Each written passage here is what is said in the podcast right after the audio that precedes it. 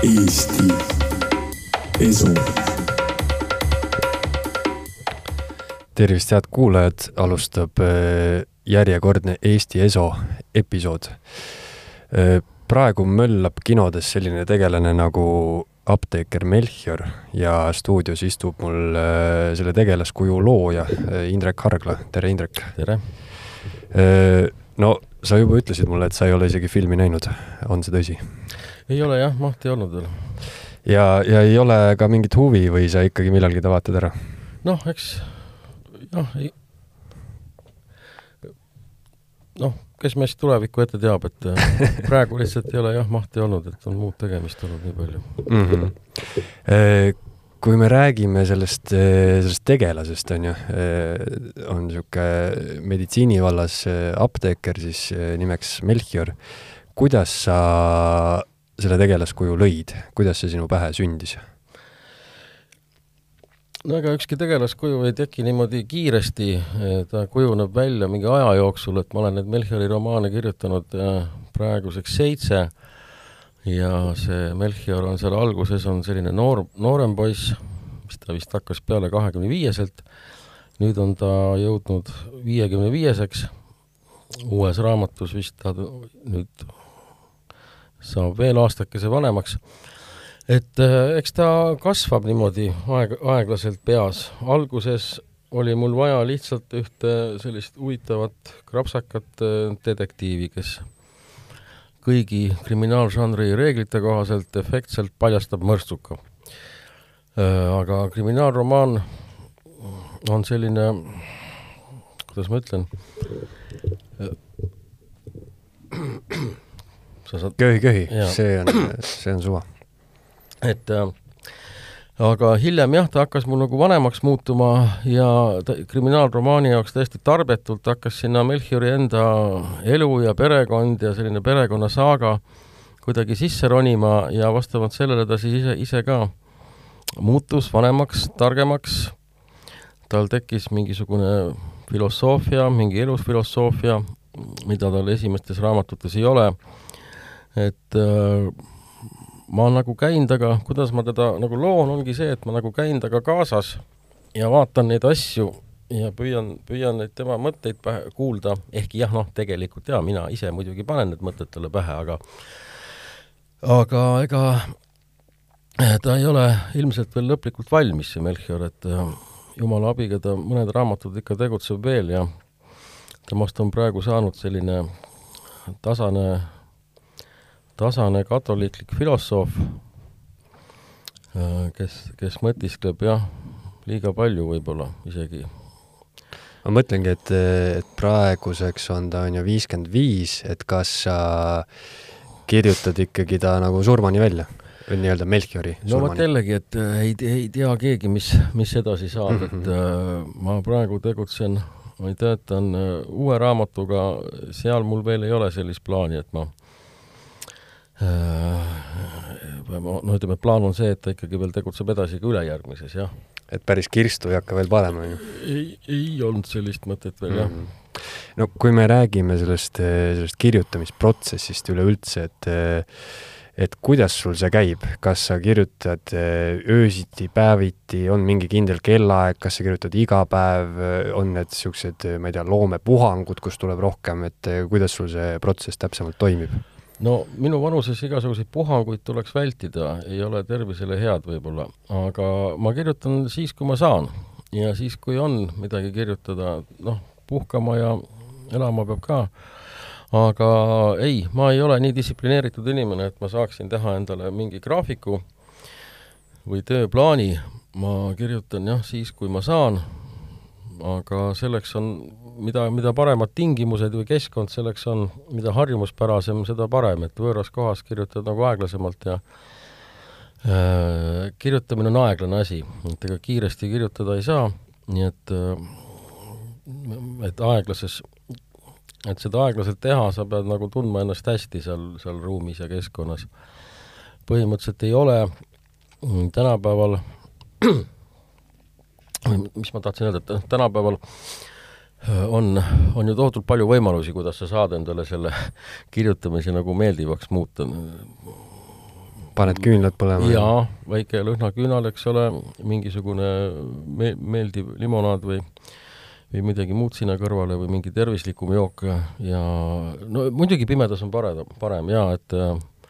kõige parem aeg ongi kirjutamiseks minu meelest äh, nii septembrist äh,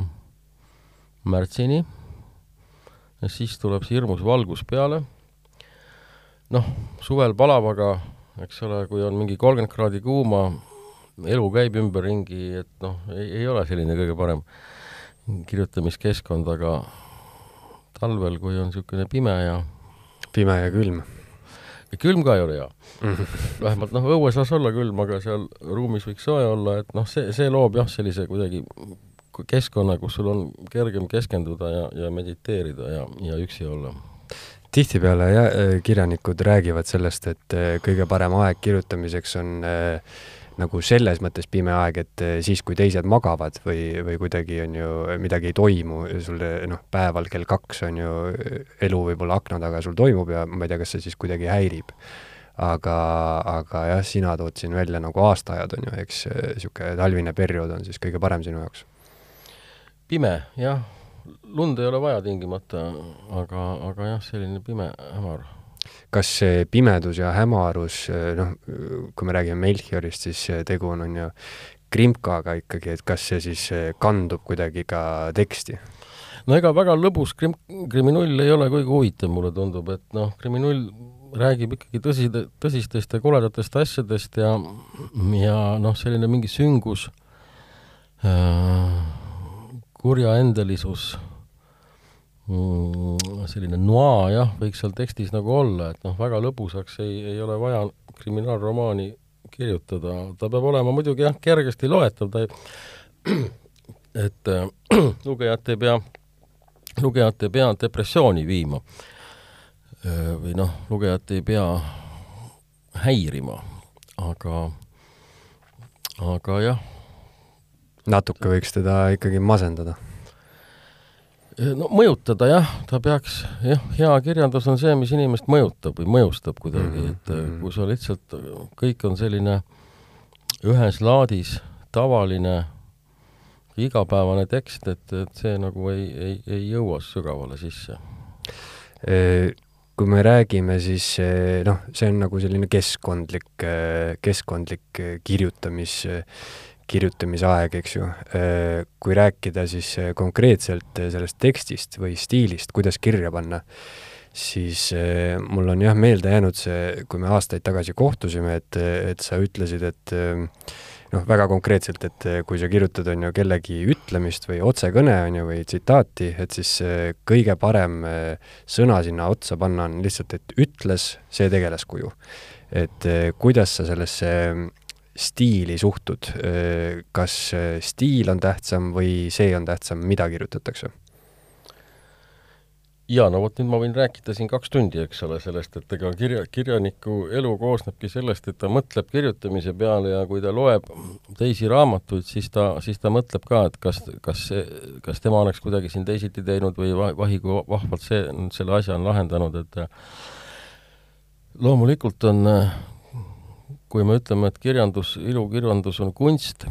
siis äh, on ilukirjanduses nagu igas kunstis on palju tehnikat, et noh, looming, looming või kunst moodustubki suures osas sellest looja tehnikast. Äh, aga mitte ainult tehnika ei ole tähtis muidugi.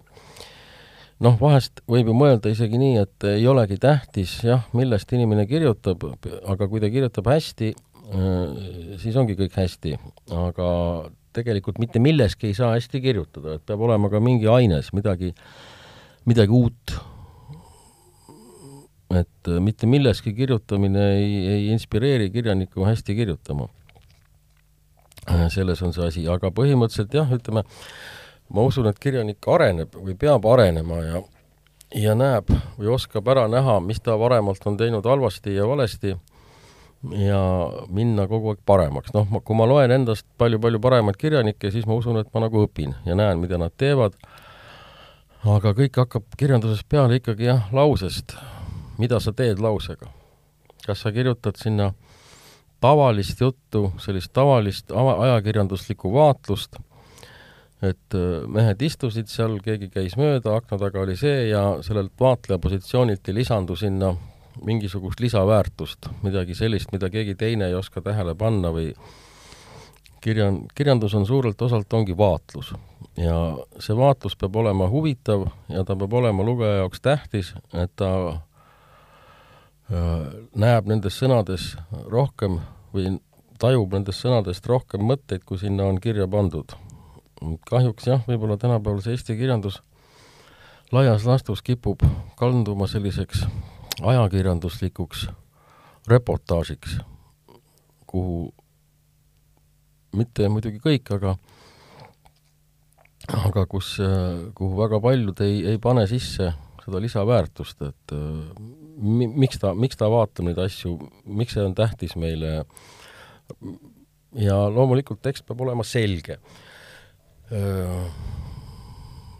Nojah, see, see selgus tulebki sellest, sellest kunagisest sinu nõuandest välja, et et siis mitte üle ilustada või mitte nagu koormata, eks ju, lauset mingisuguse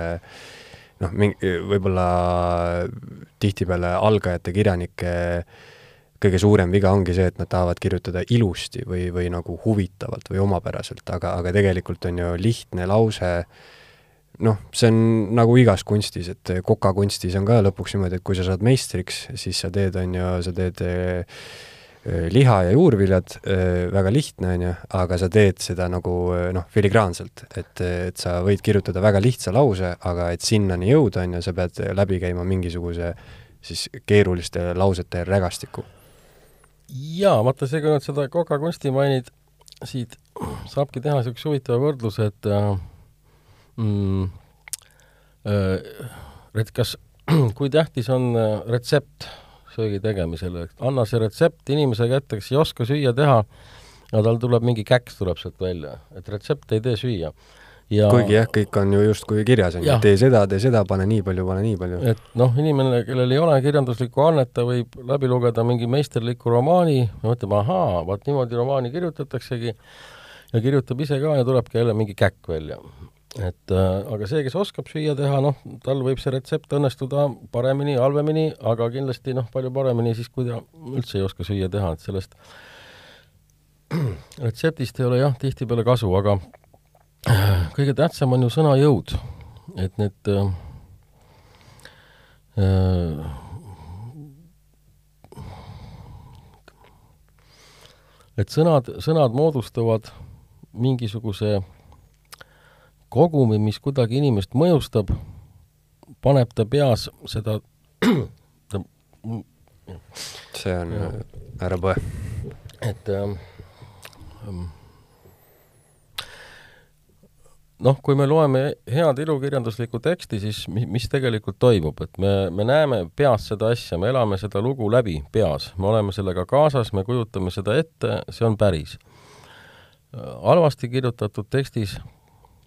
sa jääd rohkem mitte mõtlema nende, selle tegevuse peale, selle tegelase ja selle romaani maailma peale, sa ei saagi sinna kanduda, sest sa mõtled rohkem selle peale, et oot, aga miks ta nii kirjutab, mis imelik sõna see on, mis, mis, mis, mis, lause siis selline on? et see kõik nagu takerdab. noh, see on nagu hea film, eks ole, et heas, heas filmis sa ei mõtle üldse selle peale, kes on selle lavastanud, sa vaatad ainult seda lugu, sa oled selle looga kaasas, nende tegelastega ja, ja sul alles pärast hakkad mõtlema, oota, kes see nüüd lavastas seda siis, et noh, seda lavas-, heas filmis sa ei pea lavastajat üldse märkamagi, et seal kuskil on, oleks nagu midagi lavastatud, see lugu on ise naturaalselt, orgaaniliselt olemas. noh, kirjandusega on selles mõttes äh, natuke teine lugu, et äh, seal on hea, kui sa vahet, vahetevahest imestad, sa, ahah, sa vahi, kus, kus oskas nüüd öelda hea lause ja ja teha sellise huvitava vaatluse, tähelepaneku, võrdluse, et näed, mina, mina niimoodi nagu ei oskaks seda asja kirjeldada, et äh, noh, hea kirjanik on see, kes oskab igas situatsioonis, igal pool kirjeldada midagi, näha asju kuidagi nii, nagu keegi teine ei näe, et isegi noh, see stuudio, kus me praegu oleme, noh, mina oskan seda kirjeldada niimoodi hästi tavaliselt, ajakirjanduslikult, aga paneme siia mingi meisterkirjaniku, siis ta oskab seda võrrelda kohe mingi asjaga, et mismoodi siin nagu tundub talle olla ja mm -hmm. no kui, kui rääkida sellest kirjaniku ametist üleüldse, siis äh, nagu ma aru saan, siis sa nagu nõustud sellega, et kirjaniku töö üks osa on ikkagi metsik lugemine, et äh, mida sa ise, ise loed või kes on näiteks need meistrid, kes, kes nagu sinus tekitavad selle tunde, et, et ohoh? oi, tead, neid nimesi on nii palju, et ma ei, ma ei, kui sa tahad nagu niisugust põhjalikku vastust, siis ma pean võtma öö, tegema niimoodi kümme minutit nagu eeltööd, eks ole, et hakata siin kõiki meelde tuletama, häid kirjanikke maailmas on ju tohutult palju, aga ei noh, ma olen ametilt, ametilt ulmekirjanik ja, ja selle tõttu ma olen rohkem lugenud ulmet, aga eks ma loen igasuguseid, igasuguseid muid asju ka, populaarteaduslikku kirjandust, ajaloo, ajalooliseid tekste, ajalookirjandust. Ja et äh, aga lugemine eh, on ikkagi kirjutamiseks äärmiselt oluline, et kui see hüpoteetiliselt võtame sellise olukorra, kus eh, kus inimene ei ole lugenud mitte kunagi mitte ühtegi raamatut ja siis proovib kirjutada, et et hüpoteetikas võiks see, on ju, välja, nagu võiks ju mõelda, et, et oo, siis tuleb äärmiselt originaalne teos, et ta ei ole mitte millestki mõjutatud. aga tegelikult see vist päris nii ei toimi, eks ju? no ta vist päris nii jah ei saa toimida, et kust tal siis üldse see mõte tuleb pähe midagi kirjutada, et see kirjutamise tahtmine tuleb, tuleb äh, soovist järgi aimata, et kui sa puutud kokku mingi fenomeniga, mis sulle meeldib, siis sa tahad seda ka ise teha, noh, lapsed joonistavad, nad näevad elu enda ümber, hakkavad joonistama, seda elu hiljem, hiljem see muutub mõnede puhul siis nagu kunstiks, nad hakkavad seda nägema oma, oma, oma vaatepunkti läbi. või noh, sa ei taha jalgpalli mängida, kui sa kunagi jalgpalli ei ole näinud, eks ole, et mm, -hmm. et. Et ma arvan, et noh, iga kirjanik on, on oma elus mingil ajal ikkagi päris palju lugenud ja sealt on see järgiaimamise või siis paremini või samasuguse asja tegemise soov tekkinud. ma olen lugenud kunagi palju rohkem, kui ma, kui ma praegu loen, aga selle võrra ma siis üritan ka rohkem tööd teha, aga selline Äh, kirjanikul võib tekkida jah, niisugune professionaalne, äh, professionaalne puue, et ta ei loe enam mitte nagu selle lugemise rõõmu pärast, vaid ta loeb ennast nagu vormis hoidmiseks, et äh, noh, nagu sportlane ei tee trenni lõbu pärast, vaid, vaid nagu asja pärast. et jah, ilma, ilma lugemata ei saa ilmselt kirjutada. no kust sinul kirjutamishuvi alguse sai, et kas see oli äh, päris lapsepõlves, kui lapsepõlves äh, raamatuid lugesid või tekkis see hiljem? No lapsepõlvest ma mäletan ühte sellist mõtet, et kui ma lugesin mingisugust keskmise paksusega head raamatut, äh, siis tuli niisugune mõte, et oi jumal, et kuidas, kuidas on võimalik seda teha, et mina ei suudaks iialgi midagi nii palju kirjutada, noh mm -hmm. uskumatu, see on lootusetu, et mina ise kunagi midagi sellist teeksin ja ja noh, eks paljud ole lapsepõlves mingi vihikusse mingi jutujupi sirgeldanud, aga need olid nii viletsad ja, ja sellest, see, see ei olnud mul toona veel mingisugust ambitsiooni, et noh, mingit paar niisugust äh, sehkendust sai tehtud, aga ma hakkasin kirjutama peamiselt jah, nagu igavusest, et ma tundsin, et ma, ma lugesin ulmet siis palju ja igasuguseid mõtteid tekkis pähe ja ma tundsin, et ma tahan kuidagi oma vaimu nagu proovile panna, kui sellist väljendit kasutada, et ma ei, ma ei kasuta nagu oma vaimu, ma tahtsin midagi teha, midagi luua mm. -hmm. see on jah, äh, just äh, kui sa rääkisid enne sellest äh,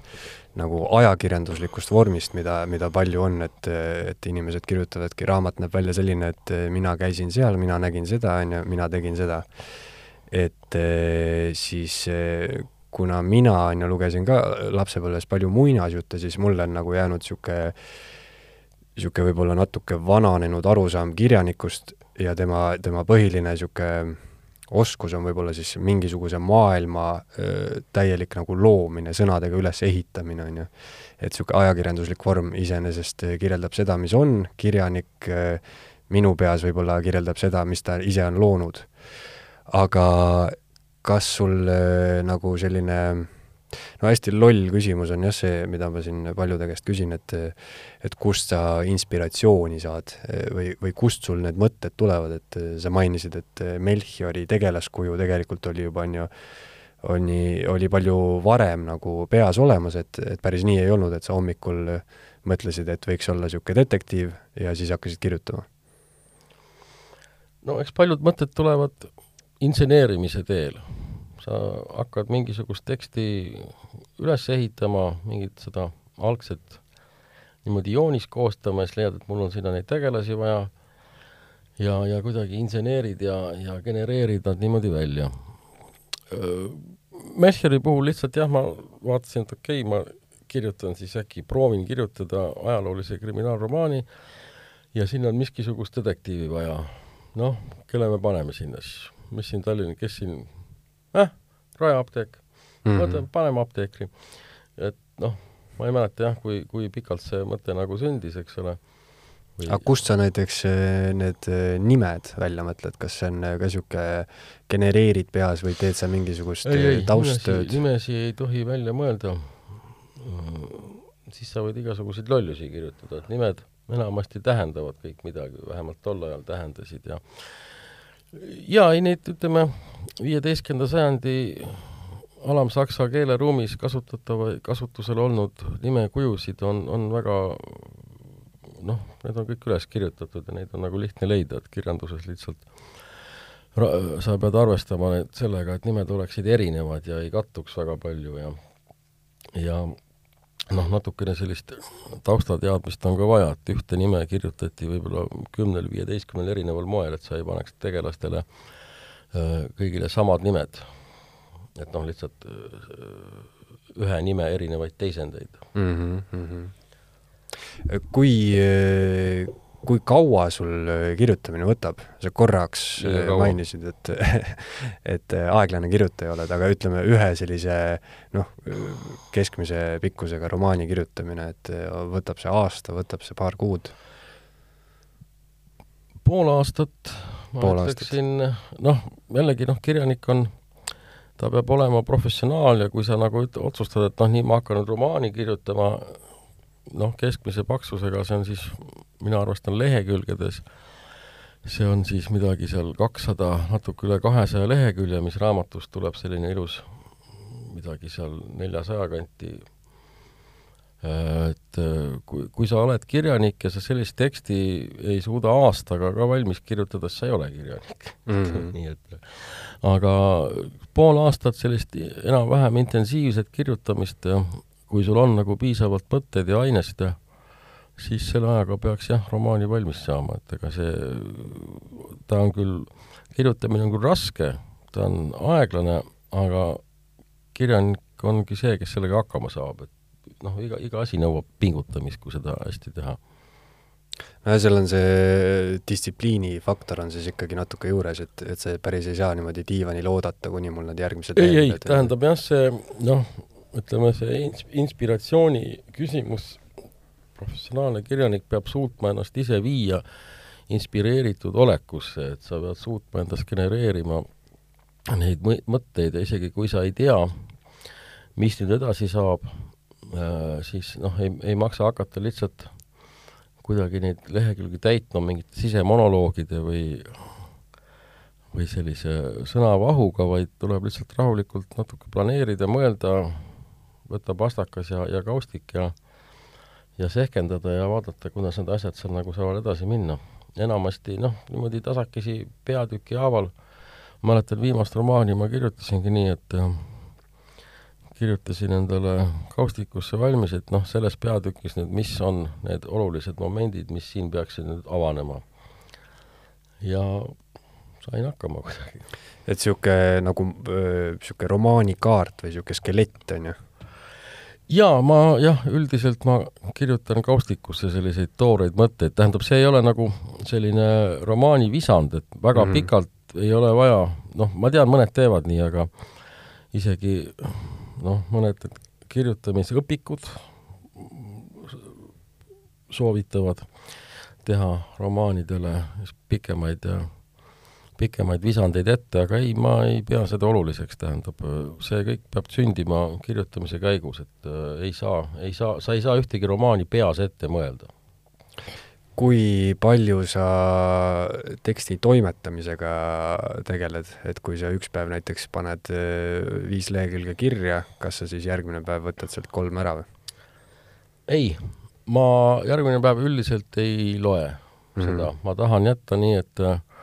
noh, muidugi jah, pikema teksti puhul sa pead kogu aeg edasi-tagasi lappama ja vastavalt tegema seal muudatusi ja vaatama, et kuidas nüüd see oli ja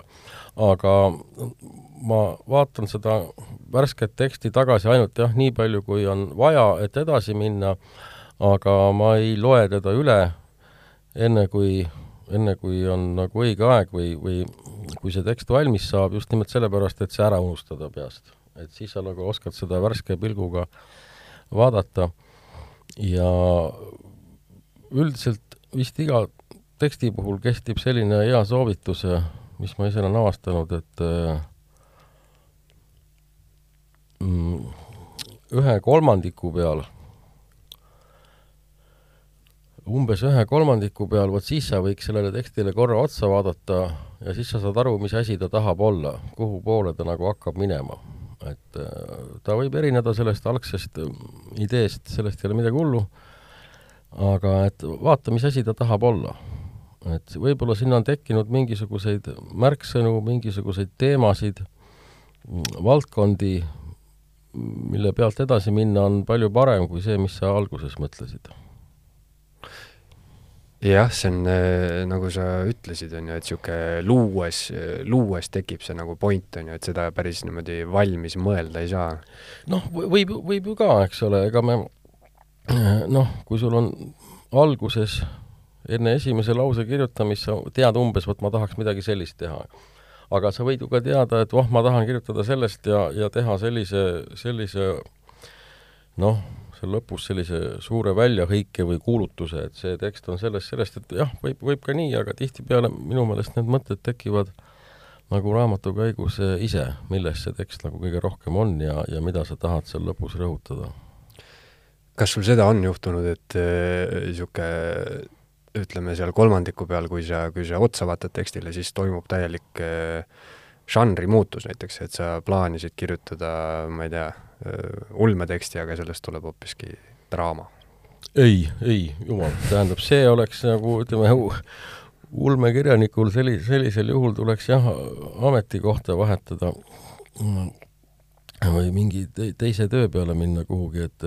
et kui sul nagu kolmandiku peal veel nagu mingit ulmet ei ole, siis noh, siis ta peab sinna üsna varsti tekkima. et äh, ei, päris jah, päris draamat mina ei ole, ei ole vist äh, ilukirjanduses ma ei ole kirjutanud jah ütleme dramaturgiat küll, aga aga ilukirjandust jah, ma tahan ikka oma nime nagu puhtana hoida selles mõttes. Äh, rääkides nimedest, siis äh, kust tuleb nimi Hargla, sest see ei ole sinu, sinu päris nimi? ärme sellest räägi. ei, see on päris nimi ja Aha. ärme jah, seda okei okay Äh, ühesõnaga, Indrek, tõmbamegi otsad siin vaikselt kokku, aga mis, kas sa üldse soovitaks midagi, ütleme, algajale kirjanikule, kes, kes siis on lugenud, soovib ise luua neid maailmu, kust alustada? noh, ega selliseid universaalseid soovitusi on, on raske öelda, noh, mina olen lugenud, et kõige parem soovitus algajale, algajale kirjanikule on see, et ka-, katsu vähe, kui sa vähegi saad, siis ära kirjuta, eks ole, et kirjuta ainult siis, kui sa tõesti nagu muidu ei saa. äh, siis, kui mina alustasin, õnneks või kahjuks ei olnud kedagi, kes, kes nii oleks soovitanud ja nii mul õnnestuski toota mitu aastat selliseid tõesti alaväärseid tekste, mida tänapäeval on piinlik ette võtta ja lugeda, aga noh, kõige tähtsam asi on, et tekiks nagu oma hääl kirjanikul. Võib-olla mõnel on see algusest peale olemas. Mm. ja aga selle leidmiseks ongi vaja kirjutada ja siis neid tekste nagu üle vaadata ja, ja ja mõelda selle peale, et kas see nüüd ongi see, mille pärast ma nagu kirjutama hakkasin. see oma hääl tähendab seda, et me ei kasutaks sellist äh, valmis keelt, et me kirjutaksime sellises keeles, nagu meie arvates tavaliselt neid asju kirjutatakse, vaid äh, see tuleb nagu ise läbi tunnetada, see, millest sa kirjutad ja leida need, need sõnad, need võrdlused, need noh, kuidas ma ütlen, kujundid, mis sinu jaoks tunduvad kõige õigemad, mitte et sa võtad kusagilt selle valmis, valmisoleva keele ja veel hullem, eks ole, mingi tõlkekeele ja noh, sa pead jõudma selle oma ääre äratundmiseni, kui sa seda kuulma hakkad, siis on juba hästi. aga ma olen lugenud palju, paljusid algajate tekste, kus ma näen, et see, see kirjutamis, kuidas öelda, noh, seal ei ole mitte, mitte midagi, kui ei ole kirjanikul, algajal kirjanikul noh, mitte midagi uut öelda, et see kõik on nagu tuletatud, kõik on nagu niisugune derivatiivne. ta tahab jah, järgi aimata, see on see esimene, esimene asi, kui laps õpib nukkudega mängima, eks ole, siis ta noh, imiteeribki seda elu enda ümber. aga seal ei ole veel nagu loomingut sees. See oma hääl ja looming, et see peab tulema, kui ta tuleb, siis ta tuleb, aga seda peab noh, välja meelitama endas kuidagi. No üldiselt ju äh, võib ju mõelda, et äh, et ega niisuguseid nii-öelda baaslugusid, äh, need on juba kõik kuidagi kirja pandud või niisugused baasideed, aga et noh, kui sa räägid oma häälest, siis mulle tundub see, et et sa võid ju kirjutada noh, ma ei tea, üksikule saarele sattunud on ju mehest, mis on noh, ebaoriginaalne idee, aga sa võid selle nagu oma vaatevinkliga muuta selle originaalseks, on ju. oi muidugi, loomulikult. noh, mina kirjutasin kunagi äh,, ärkasin üks hommik üles, see oli ammu juba, oli üks lugu peas, kir-, panin selle loo kirja mingi nelja päevaga, tuli, tuli üks äh, lühijutt, hiljem ma sain selle pärast äh, või selle eest äh, Tuulase novellipreemia. ja siis mõne aasta pärast ma sain äkki aru, et see, see lugu on ju Odüsseuse lugu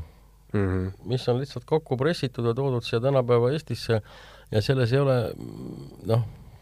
juba vanad kreeklased teadsid seda lugu, et kõik, kõik lood on, kõik lood on kusagil olemas ja väga uut midagi on välja mõelda väga raske, aga ei peagi jah, et äh, miks tehakse Shakespeare'i iga aasta Eesti teatrites ikka uuesti ja uuesti, et alati keegi leiab sealt midagi uut, mis ta tahab, mis ta tahab välja öelda. et äh, need äh, antiik, antiigist pärit lood töötavad tänapäeva kirjanduses igal pool edasi, tänapäeva filmides samamoodi. no vot, äh, kirjanikele, algajatele kirjanikele siis siit kaasa soovitus, et ärge isegi ärge isegi hakake kirjutama. ei, mina ei, seda ma ei julge ikkagi öelda, aga aga noh, kuidas ma ütlen, et ma suhtuge kriitiliselt siis. jaa, see on kindlasti oluline, aga et ma olen näinud, no vot tänapäeval on see enda avaldamine ka nii hästi lihtne ju. ja neid avaldamisvõimalusi on, on rohkesti ja ma olen öö, kohanud nagu jah, sellist nagu liiga, liiga kerglaselt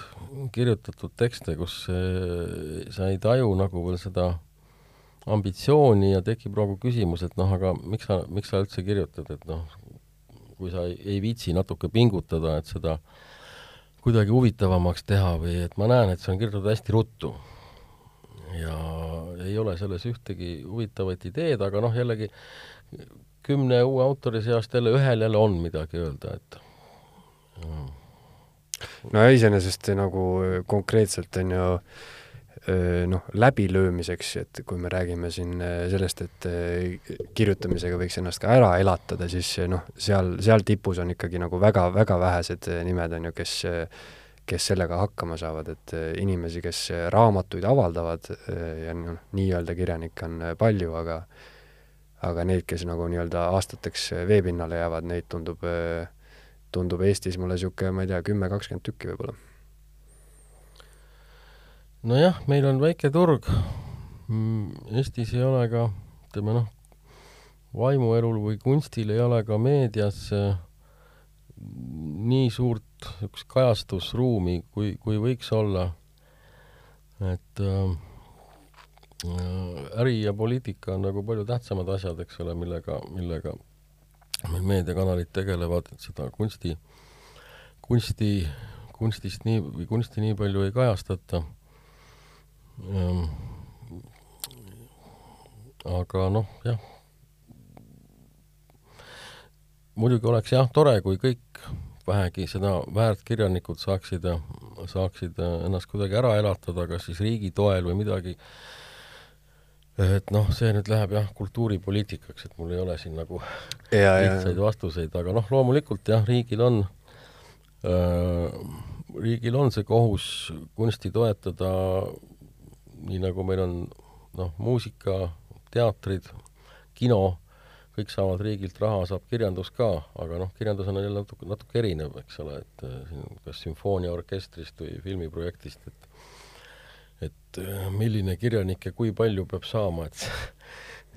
riigilt raha jah, et see on jah, keeruline küsimus. ja siin võib äh, nagu niisugust äh, kaks teooriat äh, oletada, et äkki meil on, on ju, tänu sellele, et äh, noh, väga keeruline on ennast, on ju, kirjanikuna siin elatada, et äh, äkki meil on siin niisugused varjatud geeniused, kes noh, et inimene näiteks peab, on ju, käima käima ehitusel tööl hoopis, et, et tal lihtsalt ei ole võimalust, võimalust nagu üritadagi. aga noh, teine, teine siis teooria on ikkagi see, et noh, kui sa kui see tahtmine ja põlemine on ikkagi nii suur, et siis küll sa nagu oma viisi leiad no kirjutamine on ju jõle lihtne ka, eks ole, et äh, öeldakse, et kirjuta sel ajal leiab iga inimene, et ta kirjutab äh, päevas ühe lehekülje ja näed, aastaga ongi sul juba mahukas romaan koos, et või isegi poole aastaga. Et äh, kirjutada oskavad tehniliselt vähemalt tänapäeval ka enamik inimesi, lihtsalt selle õige keeletunnetuse juurde või keelesaladuse, keele jõu mõistmine võtab aega, kui me oleme ümbritsetud halvast keelest, mis tuleb igalt poolt ajakirjandusest, raadiost, televisioonist, igalt poolt internetist, blogidest, on selline lohakas, lohakas ja, ja läbimõtlematu keelekasutus, siis on noortel nagu, võtab aega, et jõuda selle tugeva ja õige kirjandusliku keele juurde ja siit me jõuamegi tagasi selle, selle stiili või nagu tehnilise osapoole, et, et on ju, seal peavad, mõlemad asjad peavad justkui kattuma, et sul võib olla, on ju, äärmiselt hea idee, mida kirja panna, aga kui sa ei oska seda kirja panna, siis noh, sellest on vähe abi. Noh, hea idee, et noh, kuidas me seda mõõdame või kaalume, et äh, ütleme niimoodi, et hea kirjanik oskab ka igavast asjast kirjutada huvi, huvitavalt ja vastupidi, et kes, kes ei oska üldse kirjutada, see kirjutab huvitavatest asjadest ka tavaliselt mm, -hmm. nagu ajakirjanik. et äh, aja, ajakirjanikud sa mõistad ikka täiesti hukka, nagu ma aru saan või, või pigem selle ajakirjandusliku keele? no ajakirjandus, ajakirjandus on hästi pealiskaudne žanr, eks ole, ajakirjandus on nagu entsüklopeedia, pealis, pealiskaudsus. Et äh, seal on tähtis äh, kiirus äh,, mingisuguse äh, kriitilise info hulga edastamine hästi kiiresti ja, ja noh, muidugi jah, ei, sellest võib pikalt rääkida, et milliseid äh, keelelollusi ajakirjandusest leiab, eriti pealkirjadest, aga see, see on, see on teine teema aga lihtsalt, et noh, selle, selle, sellise keelega nagu, nagu ajakirjandust tehakse, ei ole ilukirjanduses midagi teha. Need on kaks erinevat mõõdet mm. -hmm no vot, aga tõmbame selleks, selleks korraks otsad kokku ja aitäh, Hendrik, et tulid ja avaldasid enda töösaladused. jaa, aga aitäh kutsumast! uues saates juba uued teemad. Eesti Eso.